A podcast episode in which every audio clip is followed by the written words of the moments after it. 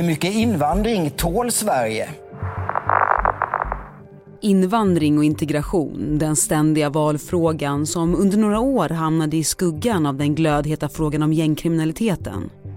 Nu är den åter på tapeten igen i och med Ukraina-kriget. Ska vi klara att hjälpa Ukraina, då måste alla länder i Europa hjälpas åt. Vad tycker partierna? Vilka rättigheter ska flyktingar ha? Och hur vill politikerna att Sverige ska förhålla sig till invandring på sikt? Från Sölvesborg till den ukrainska gränsen är det inte ens 80 mil, det är väldigt nära. Vår migrationspolitik den gör inte skillnad på människor. Den graderar inte flyktingar i riktiga eller falska. Det här är en valspecial från Dagens Story där vi i sex avsnitt under våren tar oss an väljarnas viktigaste frågor. Jag heter Fanny Härgestam.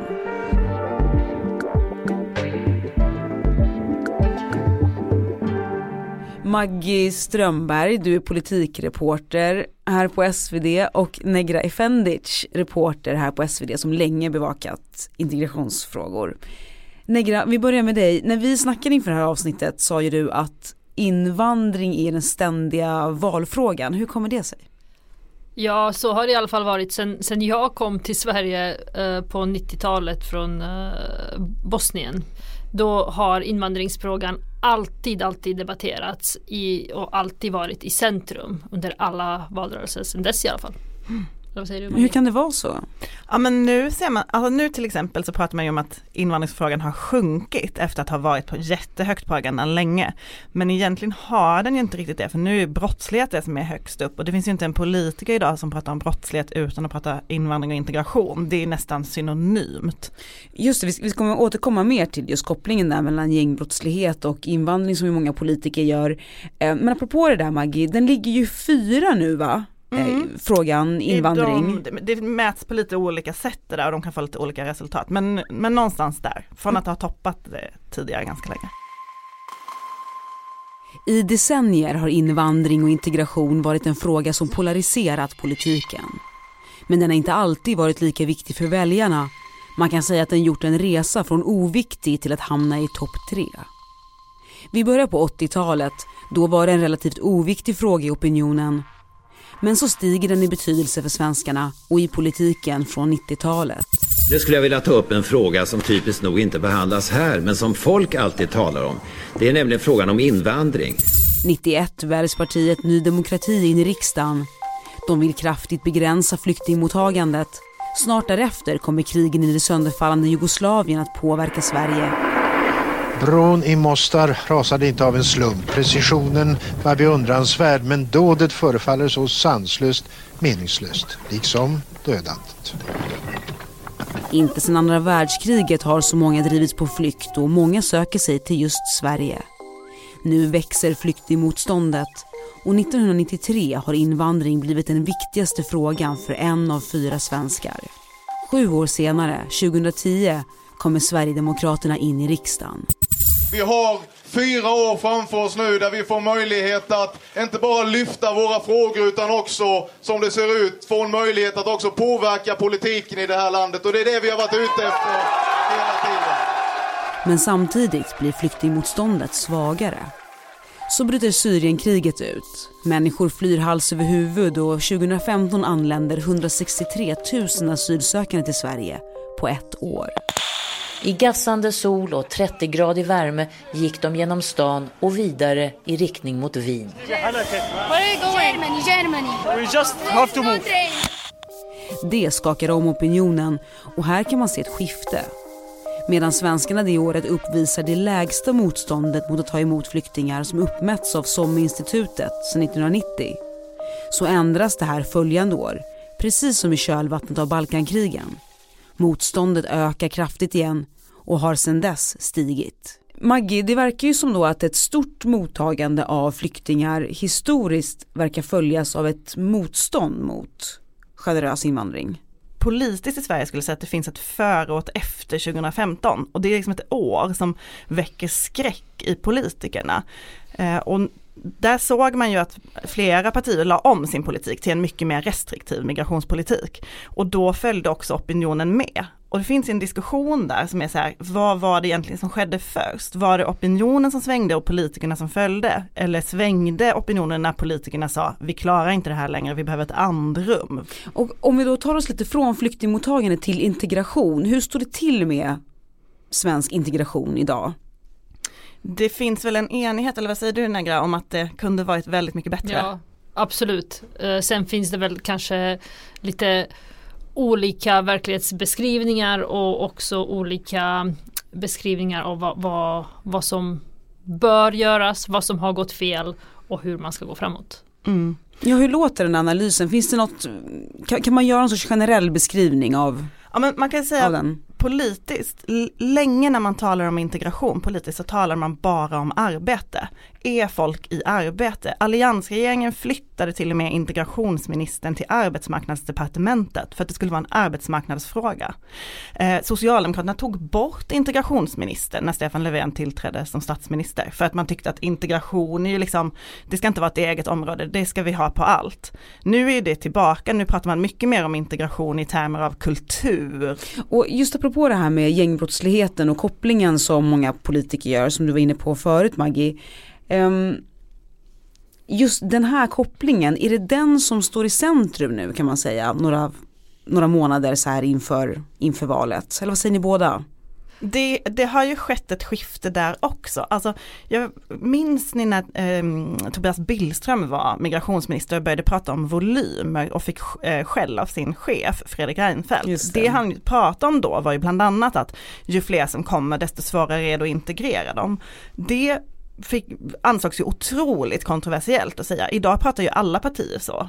Många av de äh, människorna som, som jag möter när jag är ute på fältet och som är med i mina reportage äh, de säger ju så här att men vadå, vi är ju svenskar, vi har bott här så otroligt länge. Äh, vad, det är någonting i systemet som inte fungerar och så tar man upp också eh, till exempel eh, diskriminering, man tar upp att eh, de, de liksom sociala förhållandena, man tar upp framförallt kanske trångboddhet, fattigdom och, och pekar på det som, som orsakerna till eh, den stora eh, kriminaliteten som finns i en del områden.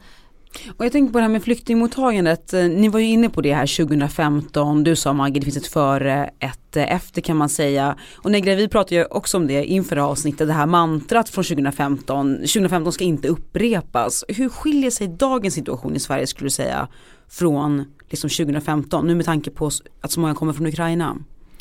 Eh, de som kommer från Ukraina, de har fått uppehållstillstånd enligt någonting som heter massflyktsdirektivet. Och det innebär att de ska vara här tillfälligt. De ska vara i Sverige tills kriget tar slut och sen ska de åka tillbaka. De personerna som kom 2015 de ansökte om asyl. Man ser ju också hur, särskilt då Ygeman som är både integrations och migrationsminister nu, han sänder ju hela tiden signalen, kom inte till Sverige, det är inte bra här. Redan från början gick han ut och började prata om tält, eh, det är så ni kommer förbo, det kommer inte bli något härligt liv om ni väljer Sverige. Jag vet att ni, du har ju intervjuat honom om dagersättningen som är otroligt låg i Sverige jämfört med andra länder. Och det är de är ju nästan stolta över känner man. Mm. Hittills har det kommit drygt 34 000 ukrainska flyktingar till Sverige. Aningens färre än vad Migrationsverkets prognoser förutspådde. De omfattas av det så kallade massflyktsdirektivet, en EU-förordning som aldrig testats tidigare men som ger ukrainarna rätt att bo, arbeta, gå i skolan, få sjukvård och röra sig inom EU. Och ett anfallskrig i vårt närområde fick debatten att ta en lite ovanlig vändning. Vi ska hjälpa människor som flyr undan Ukraina men vi ska inte ta andra länders ansvar. Medan den socialdemokratiska regeringen vidhöll att det är dags för andra länder att steppa upp tyckte Sverigedemokraterna i alla fall initialt att vi skulle välkomna flyktingar från Ukraina och reservera årets alla kvotflyktingplatser till ukrainare. Men för en begränsad tid. vår politik har alltid gått ut på att man har ett, ett ansvar eh, i sitt eget närområde trots de här lite oväntade vändningarna i debatten så är ju partierna ense i sak eh, om att ta emot ukrainska flyktingar. Men hur ense är de om vilka rättigheter flyktingarna ska ha?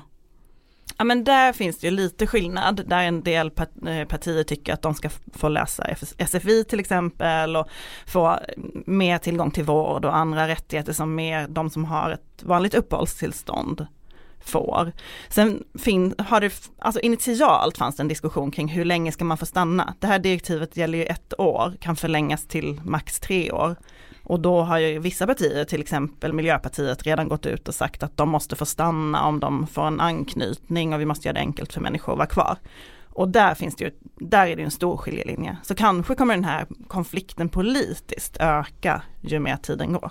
Väldigt många av de som jag har träffat vill ju åka tillbaka och jag kan säga också att så var det ju när vi kom till Sverige när min familj kom hit då var det ju så här men vi, vi stannar tills kriget är slut och sen åker vi tillbaka och det var helt klart. Det fanns liksom inte på kartan att stanna här i det här kalla landet där man inte känner någon. Uh, och så här 30 år senare så ja det, det hinner ju liksom hända saker för man ska också mm. ha med sig att efter ett krig Även om det är fred och, och, de inte skjuter så är det ofta, det tar ju lång tid innan landet byggs upp. Mm. Man kanske inte har någonting, man kanske inte har någonstans att ta vägen. Och politiskt då Maggie, just när det gäller den här solidaritetsviljan, hur, hur har den påverkat politikerna och deras ståndpunkter? Jag tror fortfarande, även om det har varit eh, ett starkt engagemang, så är hela migrationsfrågan fortfarande väldigt eh, ja, men lite nervig för politikerna. Alltså det finns ju mycket, det finns ju många andra flyktingar i Sverige som man inte pratar om så mycket nu, alltså till exempel syrierna som kom, många av dem har ju varit här ganska länge nu. Nu är det en fråga om till exempel ska man få svenskt medborgarskap och det är väldigt svårt för, för många män som har varit i den syriska armén att få medborgarskap i Sverige. Eh, det är en sån fråga till exempel som det finns ingen opinion för att göra det enklare för syriska män att få medborgarskap i Sverige. Alltså allt som mm. ändå signalerar någon slags välvilja mot flyktingmottagande eller flyktingar som bor i Sverige eller invandrare som har kommit. Det, politiskt är det fortfarande omöjligt i princip. Men så vad, på ett väldigt enkelt sätt kan man säga att skillnaden mellan partierna är när det gäller invandring och integration? Nej men man kan säga att det, man kanske ska dela upp partierna enklast i eh, de som absolut vill minska på invandringen och de som inte tycker att det är så viktigt utan som tycker att det är viktigt med en generös och human, brukar de säga, invandringspolitik. Om man ser till den nya lag som togs förra året, då var Miljöpartiet och Vänsterpartiet de enda partier som inte ville ha tillfälliga uppehållstillstånd som grundregel. De ville att man skulle få permanenta uppehållstillstånd, så som det funkade i Sverige innan och som anses vara en anledning till att många har sökt sig just till Sverige. Eh, men sen kan man också säga att de partierna tillsammans med Centerpartiet har ju kämpat ganska hårt för att det ska finnas de här humanitära grunderna, alltså att det ska bli lättare att komma hit om man har ömmande omständigheter eller särskilda skäl. Det kan vara sjukdomar till exempel. Eh, när det gäller integration så har det ju kommit ganska mycket mer av en eh, krav Eh, politik kan man säga. Moderaterna till exempel, de vill att man ska kvalificera till välfärden, man måste få jobb för att få eh, all, tillgång till all välfärd. De vill också ha ett bidragstak, att man inte ska kunna få lika mycket bidrag och det är ett sätt att man tänker att fler ska komma i arbets, kom, liksom, tvingas ut i arbetslivet om det inte är lika enkelt att leva på bidrag. Socialdemokraterna kom för några veckor sedan också med mer liksom kravaktiga ehm, förslag på integrationspolitiken eh, som de kopplar till brott där de ville se ungdomskriminalitetsnämnder och de vill kunna eh, ge, alltså tvinga in barn i olika typer, barn och unga i olika typer av åtgärder utan föräldrarnas samtycke, för det är ett problem att föräldrar ofta säger nej. Um, så att även där kan man säga att det skiljer sig i då krav eller det lite mer mjuka, att hjälpa folk och ge mer stöd. Och migration är ju SDs favoritfråga. Nu har vi sett SD väldigt närvarande senaste mandatperioden. Hur har liksom deras, det här partiets närvaro i svensk politik påverkat debatten? Om vi jämför liksom idag med för fyra år sedan. Nej men det är en helt annan värld Eh, för fyra år sedan. Eller säg, eh, ja, men när SD kom in i riksdagen, då, var det ju, då gick det ju en chock genom hela Sverige. Och sen eh, har det där ju skett successivt och den stora anpassningen till SDs migrationspolitik kom ju i samband med flyktingkrisen 2015. I höstas så gjorde man ju ett migrationsavtal, Sverigedemokraterna, Moderaterna och Kristdemokraterna till exempel. Det, ju, det, skulle ju vara otänkbart för bara några år sedan. Så att där har det hänt jättemycket och man hör ju också hur Sverigedemokraterna har då också flyttat sig i sin retorik. De pratar ju idag om återvandring väldigt mycket. De vill se en mycket mer aktiv återvandringspolitik där man säger till människor att nu är det dags att lämna i Sverige. Uh, och det, det är politik som de egentligen har haft men de har inte drivit den för att det har varit för kontroversiellt. Så det är klart att gränsen för vad man, vad man kan säga politiskt har ju flyttats något otroligt. Och hur, kan den här, hur, hur stor kan den här frågan bli i valrörelsen? Vad tror ni båda? Negra, vad säger du? Jag tror att den kommer bli jättestor. Senast när jag var i, i Husby, då var det när eh, högerextremisten Rasmus Paludan hade ett, ett valmöte.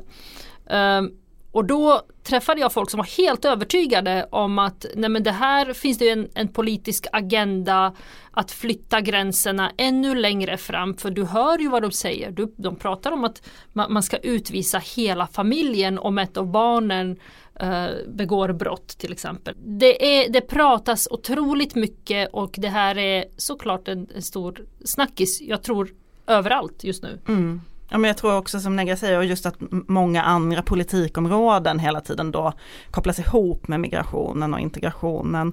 Eh, men också som du säger att det är inte bara då de som är emot som är jättestarkt engagerade utan det ser man ju med Sverigedemokraterna mm. till exempel.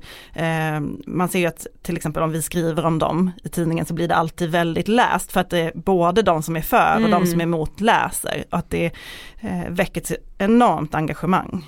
Tack Negra Efendic och Maggie Strömberg för att ni var med i Dagens Story. Du har lyssnat på Dagens Story från Svenska Dagbladet. Vi som gjorde programmet idag är producent Elin Romeliotto, redaktör Erika Hallhagen och jag heter Fanny Härgestam. Vill du kontakta oss så mejla till dagensstory.svd.se.